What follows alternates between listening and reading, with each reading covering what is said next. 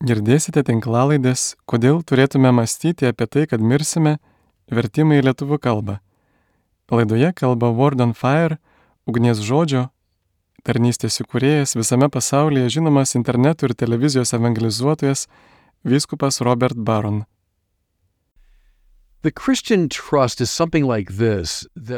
Krikščioniškas pasitikėjimas yra maždaug toks. Tai, kai vykdome čia žemėje, bus paimta į Dievo amžinybę ir išaukštinta, perkeista.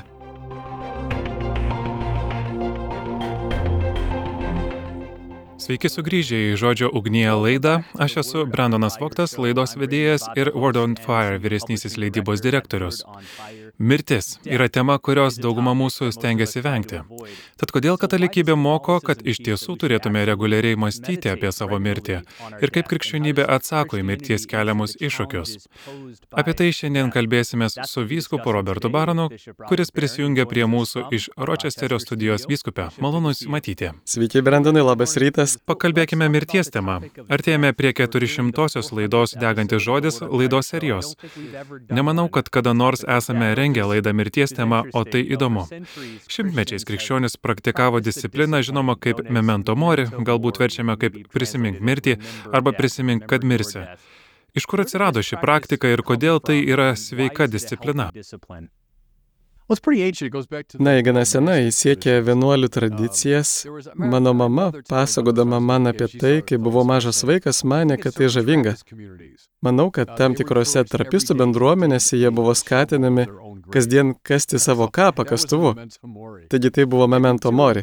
Prisimenu, kad ir Keitas Richardsas iš Rolling Stones grupės nešiojo didelį žiedą su mirties galva. Kartą jo paklausė, kodėl nešioja tą žiedą. Jis atsakė, memento mori. Aš pagalvojau, gerai, gerai, pakankamai teisinga. Kodėl tai gera praktika? Dėl įvairiausių priežasčių, bet tinkamai gyventi šiame pasaulyje galime tik tada, jei ir kol labai gerai suvokime mirties faktą.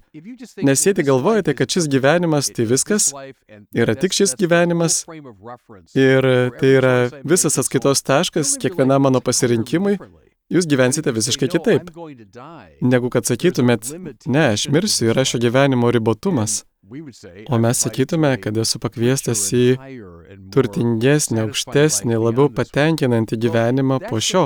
Na, tai pakeis visą jūsų požiūrį į gyvenimą. Taigi, nuolat priminti savo apie mirtį yra nepaprastai svarbu. Turėkite mintyje ir tai, kad kiekvienas, kuris meldžiasi sveika Marija, melžitės rožinį tiesa, 50 kartų priminate savo apie savo mirtį. Melskite už mus nusidėlius dabar ir mūsų mirties valandą. Ir mes ją sukalbame 50 kartų, kiekvieną kartą, kai kalbame rožinį. Taigi tai labai gelbstintis pratimas. Jis pakeis jūsų požiūrį į savo gyvenimą, jei tikrai leisite tam samoningumui įsigalėti. Daugelis komentatorių yra pastebėję, kad šio laikinis pasaulis turi labai savitą požiūrį į mirtį. Šimtmečius ir šimtmečius dauguma žmonių, aišku, mirdavo anksti, bet jie taip pat mirdavo savo namuose, apsupti draugų, šeimos. Mirtis buvo įprasta egzistencijos dalis, pažįstama net vaikams. Tačiau šiandien dauguma žmonių paprastai miršta steriliuose, dezinfekuotose ligoninėse ar senelių globos įstaigose, dažnai toli nuo šeimos, nuo vaikų. Tiesą sakant, daugeliu žmonių įprasta niekada nematyti, kaip kas nors miršta. Kaip manote, kodėl mūsų kultūra mirtį išstumia į periferiją? Ir ką tai sako apie mūsų požiūrį į mirtį? Taip, mes bijome mirties, ar ne? Laikome ją nuo šalyje, nenoriu jos matyti, nenoriu apie ją kalbėti. Susitvarkykime su ją kuo greičiau ir kuo hygieniškiau. Manau, Brendonai, tu visiškai teisus, kad prieš daugelį metų tai buvo daug didesnė gyvenimo dalis. Žmonės buvo arčiau gamtos, pasaulio gyvūnų, matė, kaip gyvūnai miršta. Ir laidotuvės paprastai vykdavo kieno nors namuose, taigi kas nors mirė namuose, kūnas būdavo paguldytas, tikriausiai pašarvotas namų salone. Tai kažkas labai sveiko, kad žmonės, kaip jūs sakote, matė patį mirties procesą, matė savo artimą į savo namuose.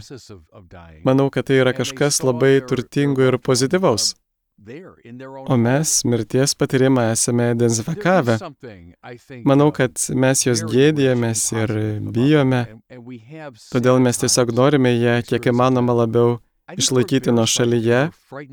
Žinote, prieš daugelį metų išleista garsioji knyga Mirties neigimas, bet tai pagrindinė mūsų vis labiau sekuliarėjančios vakarų kultūros tema. Ar neseniai matėte, kaip Švarsnegeris atėjo į laidą ir tiesiog pasakė, žinote, kai paklausė, kas atsitiks, kai jūs mirsite. Na, jūs atsidursite po žemę ir supūsite, štai ir viskas.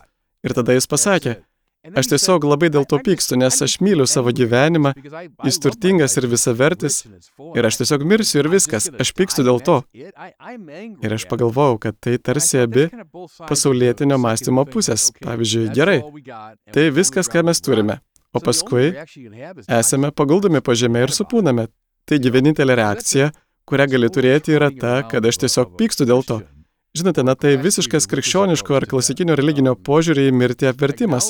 Turime pripažinti mirtį taip. Mes būsime užkasti ir supūsime. Turiu mintį, mūsų kūnams taip atsitiks. Ir tai taip pat svarbu pripažinti, bet tai nėra viskas, nėra pabaiga kad tiesiog galėčiau dėl to pykti. Žinote, Švarsnegeris tikrai turėjo katalikišką formaciją, katalikišką šeimą ir manau, kad kai buvau Kalifornijoje, visada sakydavo, kad jis reguliariai lankosi šventosiuose mišiuose, bet tas katalikiškas sugdymas neperaugo jo katalikišką supratimą apie mirtį. Ir išsakykite savo mintis apie tai, kaip žiniasklaida vaizduoja mirtį. Man kilo mintis, kad jei į mūsų planetą atskristų ateiviai ir kelias valandas žiūrėtų mūsų televizijos laidas, filmus, vaizdo žaidimus, jie pamanytų, kad esame apsėsti mirties. Mirtis yra visur. Populiariausios laidos, pavyzdžiui, žmogžudyščių paslapys, kur žmonės žudomi į kairę ir į dešinę. Vaizdo žaidimai, žmonės šaudomi į kairę ir į dešinę. Tačiau man kiek paradoksalu tai, kad nepaisant to, jog esame persisotinę mirtimi, Dauguma mirčių žiniasklaidoje yra pernelik smurtingos, staigios, įspūdingos. Labai retai matome paprastą žmogų, kuris miršta įprastu būdu, apsuptas savo šeimos. Kaip manote, ką tai rodo toks mirties vaizdavimas žiniasklaidoje? Taip, tai įdomu. Viena vertus, žinote, pasakotai visada buvo apsėsti dviejų dalykų - tai seksas ir mirtis. Galima sakyti, kad tai didžiausias malonumas šiame gyvenime ir dalykas, kurio labiausiai bijome.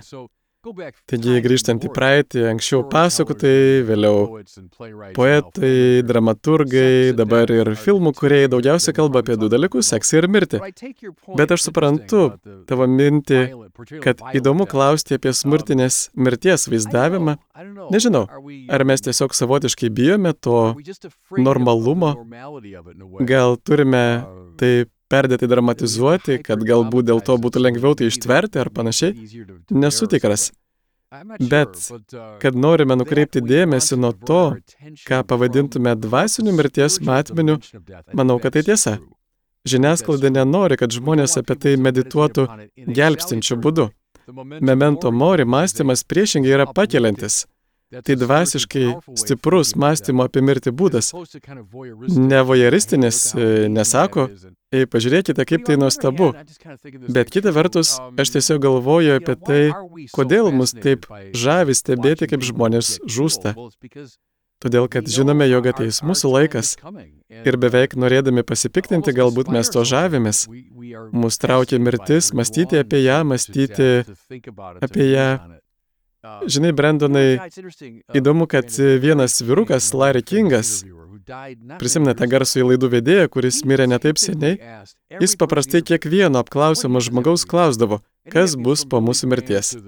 Jis to paties klausdavo nuo Billy Grahamo, evangelistų iki aršiausio teisto ir tikrai galėjai pasakyti, kad jį domino atsakymas, jis norėjo sužinoti, jis kartu buvo labai skeptiškas, Jis nebuvo panašus į religingą žmogų, bet jis taip pat kovojo prieš mirtį. Pamenu kartą jis pasakė, aš tiesiog mirštu ir amžinai manęs tiesiog nebebus. Ir galėjai pasakyti, kad tai nebuvo tik retorinė priemonė. Jis iš tiesų su tuo grūmėsi. Pagalvojau gerai, teisingai. Tai panašu į šiandienį pasaulietinį žmogų, kuris bando susitaikyti. O tada Švarsnegeris, žinote, mane tai pykdo. Na, tai religinio konteksto praradimas, mąstant apie mirtį. Na, o dabar pereikime prie religinio ir konkrečiai krikščioniško požiūrio į mirtį. Pastaruoju metu, kuo labiau gilinuosi į valandų liturgiją, kurios centre žinoma yra psalmės, mane nustebino, kaip dažnai Biblijoje kalbama apie mirtį. Tai visur.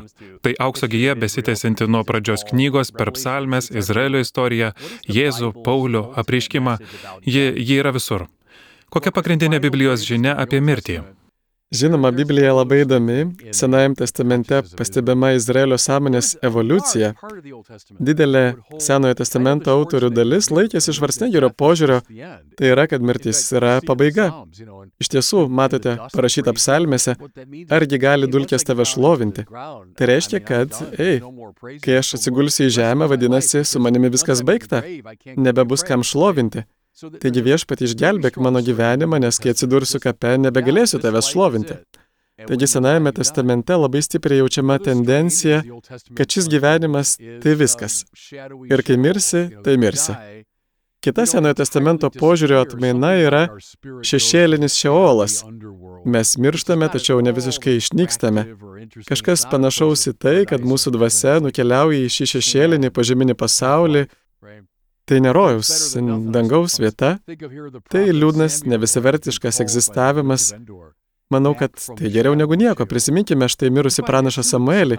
Iškviečia Endoro raganą grįžtantį iš šešėlinio šiolo. Tai rasite ir psalmėse, kur sakome nusileisti į gelmes. Tačiau Jėzaus laikais judaizme atsiranda srovė, kuris sako, ne, teisėjai mirusieji prisikels paskutinėje dieną. Manau, kad tai gimsta iš Dievo teisingumo, Dievo gerumo ir teisingumo suvokimo.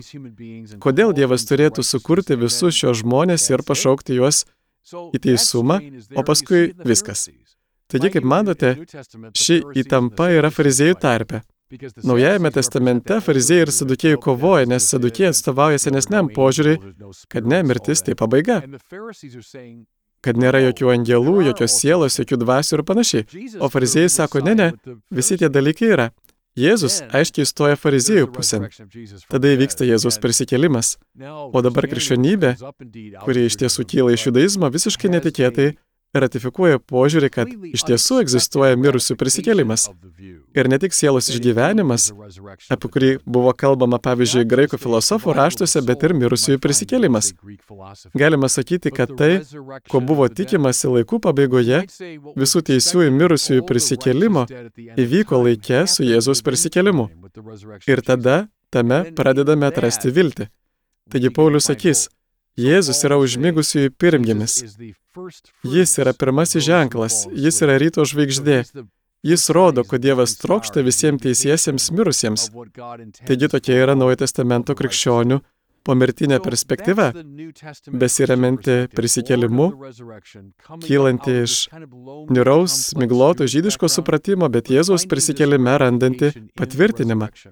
Manau, žinote, jog Paulius viską statė ant Jėzaus prisikėlimo. Be prisikėlimo visas krikščionių tikėjimas žlunga.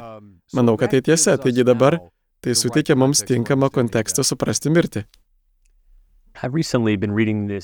Neseniai skaičiau puikią Matthew Mokolo knygą pavadinimu Prisimink mirtį, kuri vadinasi Remember Death, Memento Mori. Ir Makolhas nurodo keturias niokojančias problemas, kurias mums kelia mirtis. Keturis dalykus, kurie daugumą žmonių gastina dėl mirties. Tai būtų tapatybė, tai kas esate, mirtis sunaikina. Bergždumas, per mirtį netenkate visko, ką pasiekite šioje žemėje. Netektis, per mirtį prarandame, ką mylėjome šioje žemėje. Ir gyvenimas. Mirtis atima iš mūsų visus mūsų žemiškus džiaugsmus, dalykus, kuriais džiaugiamės čia, šioje žemėje. Ir vis dėlto jis parodo, kaip Kristaus mirtis ir prisikelimas apverčia šias problemas aukštinkojomis ir daugeliu atžvilgių jas išsprendžia. Taigi pagalvojau, kad aptarkime kiekvieną iš tų keturių mirties aspektų, kurie mus labiausiai gazdina. Pirma, tapatybė.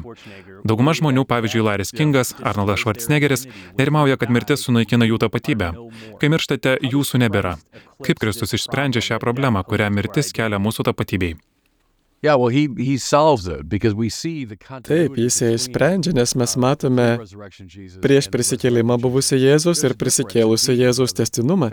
Skirtumas yra tas, kad Jėzus jo iš karto net pažįsta, jis matomas kaip perkeista, išaukštinta savo paties versija, bet vis dėlto tai tas pats Jėzus. Taigi yra tapatybės testinumas. Ir tada, kaip ir mūsų teologinėse samprotavimuose, kalbėsime apie sielą. Net jei mūsų kūnai iš tiesų suyra žemėje, siela, galima sakyti, giliausias mūsų aš, mūsų tapatybės buveinė išlieka, nes ji nesusijusi su materija. Ji vėl bus sujungta su išaukštinta, perkeista materija. Tai tiesa, kad kūnas bus prikeltas, tačiau galima sakyti, kad siela yra mūsų tapatybės garantas, perinant per mirties lengsti. Pažvelkime į antrąją problemą - bergždumą, ką mirtis padaro viskam, ką pasiekėme čia žemėje. Po mirties viskas, ką sukūrėme ir pasiekėme šiame pasaulyje, galiausiai išnyks ir sekularizmo pasaulėjautoje bus galutinai beprasmiška. Kaip į šią problemą atsako krikščionybė?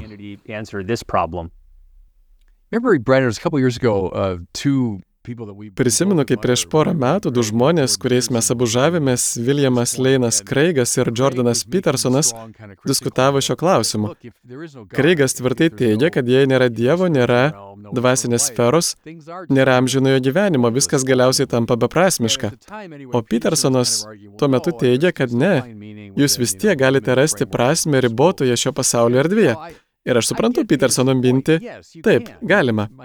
Mikelandželas sukūrė Dovydą ir štai jis yra ir net šimtus metų žmonės gali džiaugtis tą statulą, bet ar kada nors susimastyti apie tai, žemė tolimiausioje ateityje tiesiog pavirsi pelenus, ji bus sudeginta. Ir kiekviena smulkmena, pradedant Šekspyru ir baigiant Mikelandželu, kiekvienu kada nors sukurtų filmų, kiekvienu istoriniu pasiekimu, visa tai tiesiog sudegs. Taigi manau, kad jei taip yra, tai galiausiai niekas, ką mes pasiekėme čia šiapus, neturi prasmės. Galima sakyti, kad tai turi prasme tam tikrą laiką arba tarnauja ribotam tikslui, nedaugelis žmonių, kurie tai priims, bet manau, kad tai tiesiog tiesa, kad jei nėra Dievo, nėra amžinojo gyvenimo, tai tarsi bergždžia ir tuščia. Krikščioniškas pasitikėjimas yra maždaug toks, kad tai, ką įvykdome čia žemėje, bus įimta į Dievo amžinybę ir pakilėta, perkeista, perkelta į aukštesnį lygmenį. Ar marmuras, iš kurio iškaltas Mikelandželo Dovydas galiausiai bus sunaikintas, žinoma. Bet ar kaip nors Mikelandželo Dovydas, tas didis kūrinys, bus perkeistas ir perkeltas į aukštesnį lygmenį? Kažkas panašaus arba kaip su mūsų meilės veiksmais čia žemėje, Jūs atliekate paprastą gerumo aktą žmogui, bet sakote, na ir kas iš to, jeigu abu mirsime? Arba padedate žmogui Afrikoje, kuris badauja, o jis sako, na ir kas iš to, kokia prasme? Visi vis tiek mirsime. Tačiau kai kurie iš tų veiksmų, kurie jau dabar dalyvauja meilėje, kurie yra Dievas, bus paimti ir perkeisti amžinybėje. Tai išsprendžia problemą. Ar tai bergžė? Ne. Ne, mes darome tai, kas teisinga, gera ir gražu dabar, turėdami aukštesnės būties viltį. Um, no, no, we do what's right and good and beautiful now within a higher context of meaning. Pažvelkime į netekties problemą. Ką mirtis padaro bet kam ar bet kuriam žmogui, kurį mylime. Atsižvelgiant į naturalizmą, kai miršta kas nors, ką mylime, draugas, sutoktinis, vaikas, ar baigėsi kokios nors geros aplinkybės mūsų gyvenime, tai viskas. Nėra jokios vilties tai susigražinti. Ką į šį praradimo pavojų atsako krikščionybė? Meilė yra galingesnė už mirtį. Tai nėra sentimentalus teiginys, tai metafizinis teiginys. Dieviškai meilė buvo galingesnė už mirtį. Ir aš manau, Brendonai, kad ir mes tai jaučiame, kai kalbama apie mūsų mylimus žmonės. Mano tėvas mirė prieš daug metų, bet vis dar palaikau su juo labai, sakyčiau, gyvą ryšį. Mano meilė jam, jo meilė man yra stipresnė už mirtį, ją pranoksta. Ir manau, kad mes tai galime jausti. Mes tai žinome teologiškai, sakome, Dievas yra meilė, Dievas amžinas ir Dievas viską traukia prie savęs. Ir taip, aš galiu tai tvirtinti. Bet taip pat, manau, jaučiu, kad vis dar palaikome ryšį su tais, kuriuos mylime, nors jų kūnai jau išnyko. Tai paslaptis.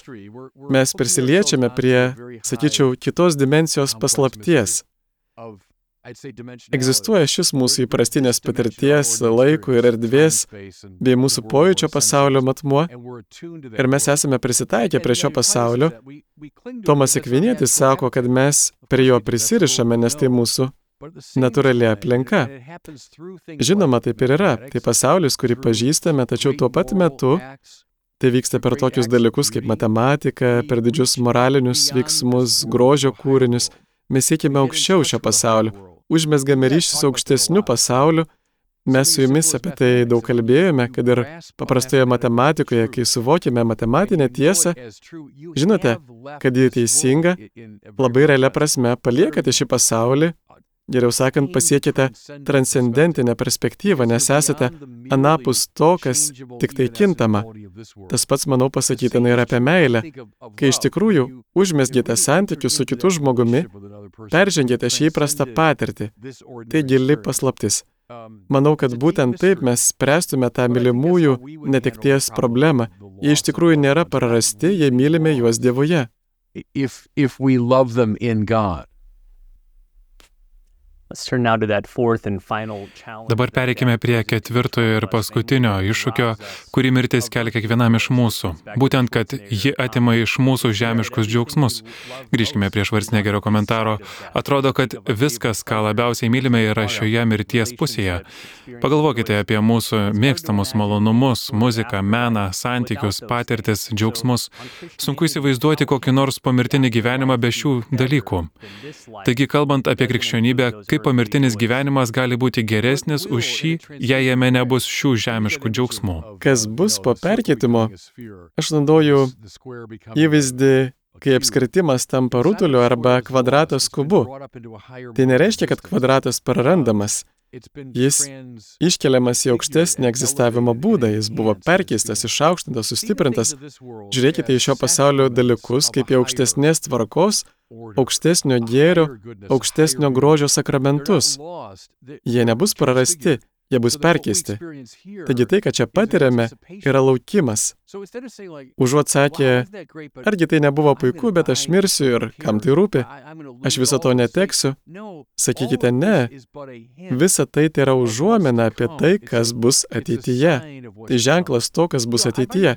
Žinote, galbūt šį palyginimą su jumis jau esu naudojęs anksčiau, bet jis man visada atrodė įdomus. Jei kalbėtumėte su aštuonmečiu vaiku apie, tarkime, santokinio intimumo džiaugsmus ir ką tai reiškia visomis prasmėmis - fizinė, psichologinė, dvasinė, vaikas nesuprastų, apie ką jūs kalbate. Jis neturi tam jokio atskaitos taško. Aštuonmečiai, žinote, geriausia diena būtų tokia. Aš pažiūrėjau smagų filmą, suvalgiau ledų su draugais, papramogavome, štai ir viskas. Tai jo atskaitos taškas. O jūs pasakytumėte, kad iš tikrųjų yra kažkas dar didesnio už visą tai. Visa tai nėra blogai, visa tai yra gerai. Bet yra kažkas didesnio. Pabandysiu tai paaiškinti. Vaikas sakytų, ką? Taigi, Taip galvokite ir apie dangų. Yra aukštesnis gėris, bet aš negaliu jo suvokti čia apačioje. Ir net pačios didžiausios gerybės šiame pasaulyje yra niekis palyginti su tuo, kas bus. Kuo akis neregėjo, kuo ausis negirdėjo, tai tiesioginė prasme tiesa. Šie akis nemato to, kad Dievas yra suplanavęs. Šie ausis negali to išgirsti. Šie ausis čia girdi Beethoveno 7 simfoniją ir mano, kad ji visiškai neprilykstama. Tačiau tai niekis, palyginti su tuo, ką ausis išgirs tenai. Taigi, aš išvelgčiau ne šio pasaulio bergždumą, bet sakramentalumą. Tokia šio pasaulio patirčių prasme, nurodymas į kažką aukštesnio. Na, kadangi čia baigsime pokalbį, norėčiau paklausti, kaip rekomenduojate ruoštis mirčiai. Žmonių mirtingumas siekia 100 procentų, mes visi mirsime. Nors dauguma mūsų, išskyrus galbūt tuos, kurie laukia mirties bausmės, tiksliai nežino, kada tiksliai ateis ta diena ir laikas. Taigi, ką galime padaryti čia ir dabar, kad pasiruoštume mirčiai? Galvokite apie tai kiekvieną dieną, aš taip darau. Grįžtame prie mūsų pokalbio pradžios. Memento mori yra gera praktika ir rožinis. Kai melžitės, pagalvokite apie tą paskutinę frazę dabar ir mūsų mirties valanda. Amen. Dabar ir mūsų mirties valanda. Kaip sakote, yra šimtaprocentinė tikimybė, kad visi sulauksime savo mirties valandos. Taigi jūs šį mirties faktą gražiai terpėte į šventą kontekstą, jūs prašote švenčiausiąją motiną užtarti jūs tą valandą, nes greičiausiai tą valandą negalėsite užtarti savęs. Tai yra gražu. Žinote, galbūt kai kurie žmonės gali tai padaryti paskutinę minutę, bet tikriausiai dauguma iš mūsų negalės. Tačiau vėl ir vėl ir vėl prašome, Taigi melskitės rožinį, ypatingą dėmesį sutelkdami į šią paskutinę frazę.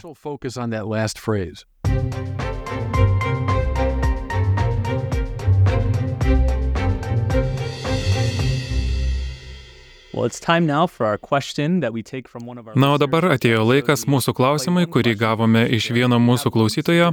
Kiekvienoje laidoje leidžiame užduoti po vieną klausimą vyskupui Baronui. Šiandien klausysime Beno gyvenančio Montanoje klausimo susijusio su mirtimi. Štai jis. Sveiki, vyskupė Baronai, tai Benas iš Montanos. Norėjau sužinoti, ką mes katalikai turėtume galvoti arba kaip turėtume aiškinti artimos mirties patirties istorijas. Ačiū už visus jūsų patarimus ir įkvėpimą. Uh, Taip, geras klausimas. Vienas dalykas, kurį pastebėjau, dirbdamas selovadoje visą darbo dieną, yra tai, kad kai pradedi kalbėti ar klausti apie artimos mirties patirtis, jos tiesiog pasipila iš žmonių. Ir manau, daugelis jų tiek gėdijasi, saugojasi, jiems ta patirtis tokia brangi, todėl apie ją nekalba. Bet jei tik praskleisite paviršių, liudijimai apie tas patirtis vis iškyla ir iškyla. Ir dar vienas dalykas, kad tobulėjant medicinai galima sakyti, žmonės vis rečiau, rečiau patiria tokius dalykus. Bet aš manau, kad juose yra kažkas svarbaus. Ar mokslininkai visiškai supranta visus skirtingus artimos mirties patirties tipus? Taip, žmonės sako, kad tai smegenų fenomenas, kad mirštančios smegenys sukuria iliuzijas ir panašiai, bet perskaitykite tėvo Spicerio knygą. Didysis tėvas Spiceris daug rašo apie tikėjimą ir mokslą, jis, manau, geriausiai apibendrina tuos išgyvenimus, o jų yra labai daug. Brendonai, jūs yra žinome, kad labai sunku juos paaiškinti vien smegenų reiškiniais. Kai kurie iš jų yra tokie keisti, kad mirę žmonės klinikinė prasme mirė, kai jų smegenys nebeveikia, patiria įvairių dalykų, buvimo toli už jų kūno patirčių, jie pasako tikslius žmonių ir įvykių, pastatų ir vietų apibūdinimus. Ir nuo gimimo akli žmonės, kurie pirmą kartą praregi per klinikinę mirtį. Tuos dalykus labai sunku paaiškinti smegenų fiziologijos veikimu. Bet kokiu atveju manau, kad jie labai intriguojantis. Aš nesuteikčiau jiems absoliučios reikšmės, sakydamas, vyručiai, štai aiškus sielos egzistavimo įrodymas. Bet manau, kad tos patirtis labai įdomios ir mano nuomonė jos iš esmės atitinka mūsų krikščioniškai supratimą apie tai, kas vyksta po mirties. Taigi, rekomenduoju tėvo Spicerio knygą. Ji vadinasi The Soul's Upward Yearning – Clues to Our Transcending Nature – sielos troškimas kilti aukštyn mūsų transcendentinės prigimties užuominos. Ir jie turi platų skyrių, kuriame apmastoma ši artimos mirties patirtis. Prieš mums baigiant, dar viena nauja Word on Fire knyga. Ji vadinasi Understanding the Hillbilly Thomas – The Philosophical Foundation of Flannery O'Connor's Narrative Art. Suprasti kalniečių tomiste – filosofiniai Flannery O'Connor pasakojimo meno pagrindai. Ja parašė tėvas Damienas Farensas, ilgametis Word on Fire rašytojas ir draugas. Flannery O'Connor yra viena didžiausių 20-ojo amžiaus rašytojų. Jos romanai ir apsakymai šokiruojančiai žiaurus, absurdiškai komiški, dvasiškai stiprus. Jie iki šiol linksmina ir žadina žmonės. Tačiau daugeliu pirmą kartą su jomis susiduriančių O'Connor istorijos apie atsilikusius pranašus ir atstumtuosius atrodo keistai nihilistinės ir tamsios. Tačiau šioje naujoje knygoje Farensas siūlo tikslesnį objektyvą Flannery Flannery O'Connor pasakojimo menui iššifruoti, kuris kyla iš jos pačios žodžių apie save. Tai yra iš titulo, kurį ji pati savo suteikė - Kalniečių tomistė. Autorius nagrinėja įvairius būdus, kuriais šventasis Tomas Akvinėtis ir filosofinio tomizmo tradicija formuoja ne tik Flannery požiūrį į tikrovę, bet ir į jos pasakojimas istorijas. Taigi susipažinkite su šia nauja knyga. Vėlgi, ji vadinasi Understanding the Hillbilly Thomist. Ja galima įsigyti iš Word on Fire. O nuorodą pateiksiu laidos pastabose. Na, ačiū visiems, kad žiūrėjote ir klausėtės ir susitikime kitą kartą laidoje Degantis žodis.